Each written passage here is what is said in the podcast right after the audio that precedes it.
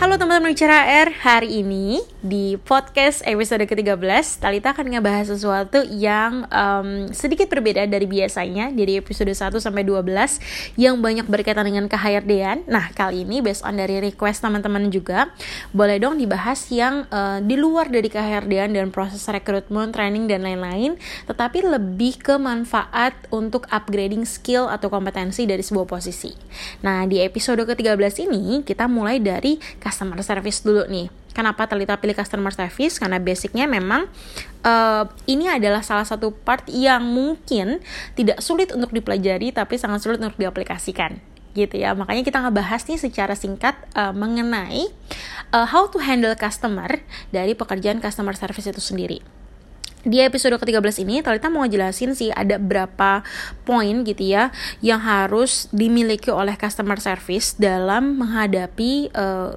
komplain customer atau customer yang marah atau apa pun gitu ya yang customer mungkin tidak suka dari proses uh, service yang kita berikan.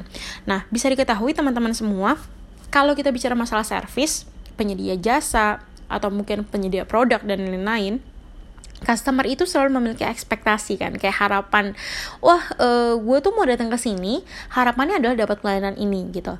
Nah ekspektasi tadi itu ternyata jalan beriringan dengan uh, aktual yang kita dapetin pelayanan yang kita dapetin gitu kan. Nah ketika pelayanan itu tidak sesuai ekspektasi biasanya akan ada rasa kecewa atau si customer bisa menyebut itu sebagai pelayanan yang kurang baik Nah, ketika pelayanan kurang baik ini timbul rasa kecewa dan ingin memberikan komplain tentunya kepada produk tersebut atau jasa tersebut gitu. Nah, sebenarnya titik komplain ini menjadi titik yang sangat um, apa ya critical atau critical point dalam sebuah penyediaan jasa atau service. Kenapa?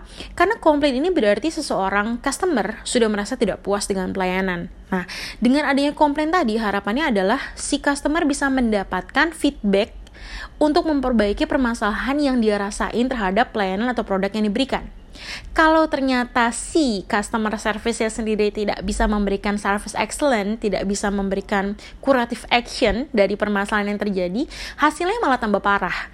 Hasilnya marah kayak customer yang tadi nggak terlalu marah bisa tambah lebih marah gitu. Makanya kebayangkan uh, critical point dari pekerjaan customer service itu apa. So, di episode 13 ini Talita mau ngejelasin 4 langkah atau empat aktivitas utama atau empat sikap utama gitu ya yang harus dimiliki oleh seorang customer service dalam menghadapi komplain seorang customer. Yang pertama adalah mendengarkan bukan hanya sekedar mendengar. Ini harus benar-benar digaris bawahi ya teman-teman bicara HR karena gini. Ketika kita bilang kita mendengar sesuatu, itu berarti kita hanya mendengar, tidak ada uh, pemberikan pemberian pemberian sepenuhnya gitu ya terhadap diri kita uh, untuk mendengar sesuatu. Jadi hanya sebatas lewat aja. Oh, tadi gue dengar suara mobil. Ah ya udah dengar. Tapi beda halnya dengan mendengarkan.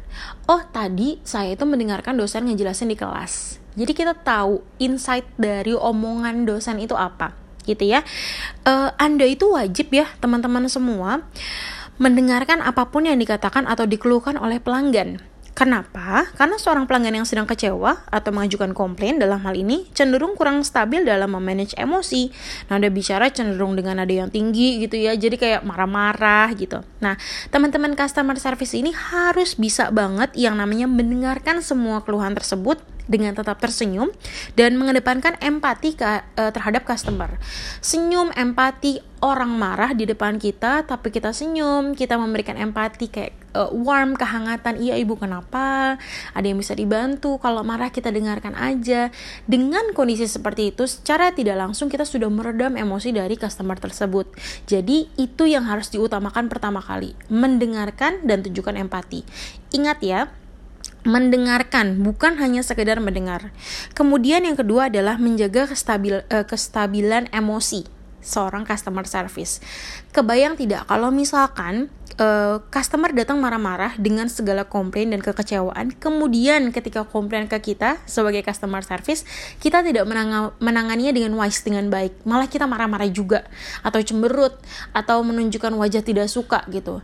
Alhasil yang ada adalah kekecewaan itu akan naik berpuluh-puluh kali lipat dari yang sebelumnya. Yang tadinya merasa aduh bisa diselesaikan nih di customer service, ternyata enggak. Malah jadi bumerang, malah jadi masalah besar gitu ya. Jadi uh, kestabilan emosi atau emotional stability itu sangat penting sekali untuk teman-teman customer service.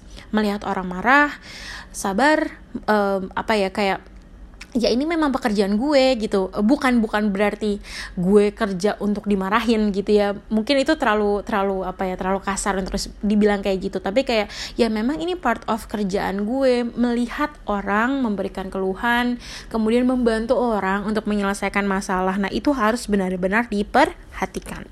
Kemudian selanjutnya adalah menguasai situasi dan kondisi yang terjadi. Maksudnya gimana dalam melihat sebuah permasalahan, teman-teman customer service tadi modal utamanya adalah mendengarkan ya.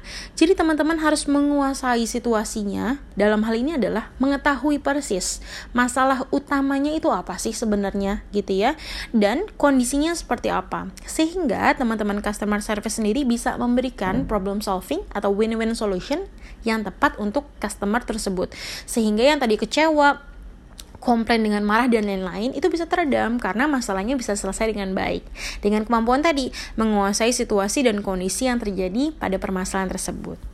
Kemudian poin yang keempat atau yang terakhir adalah utamakan positive thinking dan good attitude. Ingat ya, seorang customer service yang baik akan selalu menjadi positive person yang mengutamakan positive thinking dan good attitude. Pertanyaannya adalah teman-teman kenapa harus seperti itu?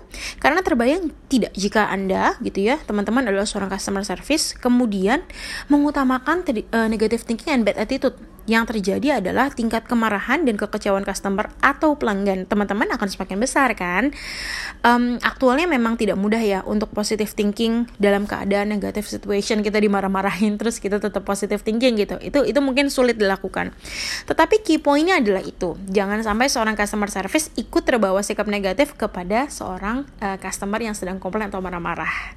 Gitu teman-teman. Uh, poin-poin yang tadi Talita jelasin ya empat poin itu adalah beberapa poin utama bagi Anda gitu ya teman-teman customer service dalam menghadapi keluhan atau komplain pelanggan. Intinya, teman-teman harus selalu mengutamakan kebutuhan customer, menjaga sikap dan kestabilan emosi serta menunjukkan sikap empati yang utama kepada customer gitu. Empat poin tadi harapannya bisa diaplikasikan ya bagi teman-teman customer service dan semoga bermanfaat di episode 13 ini. By the way, kalau misalkan ada mau request materi lain yang non HR boleh banget kok. Nanti kita sharing ke teman-teman um, apa aja sih yang dibutuhin kira-kira yang lebih membantu untuk upgrading skill atau kompetensi sebuah posisi. Dari Talita sampai di sini ya. Bye. Thank you.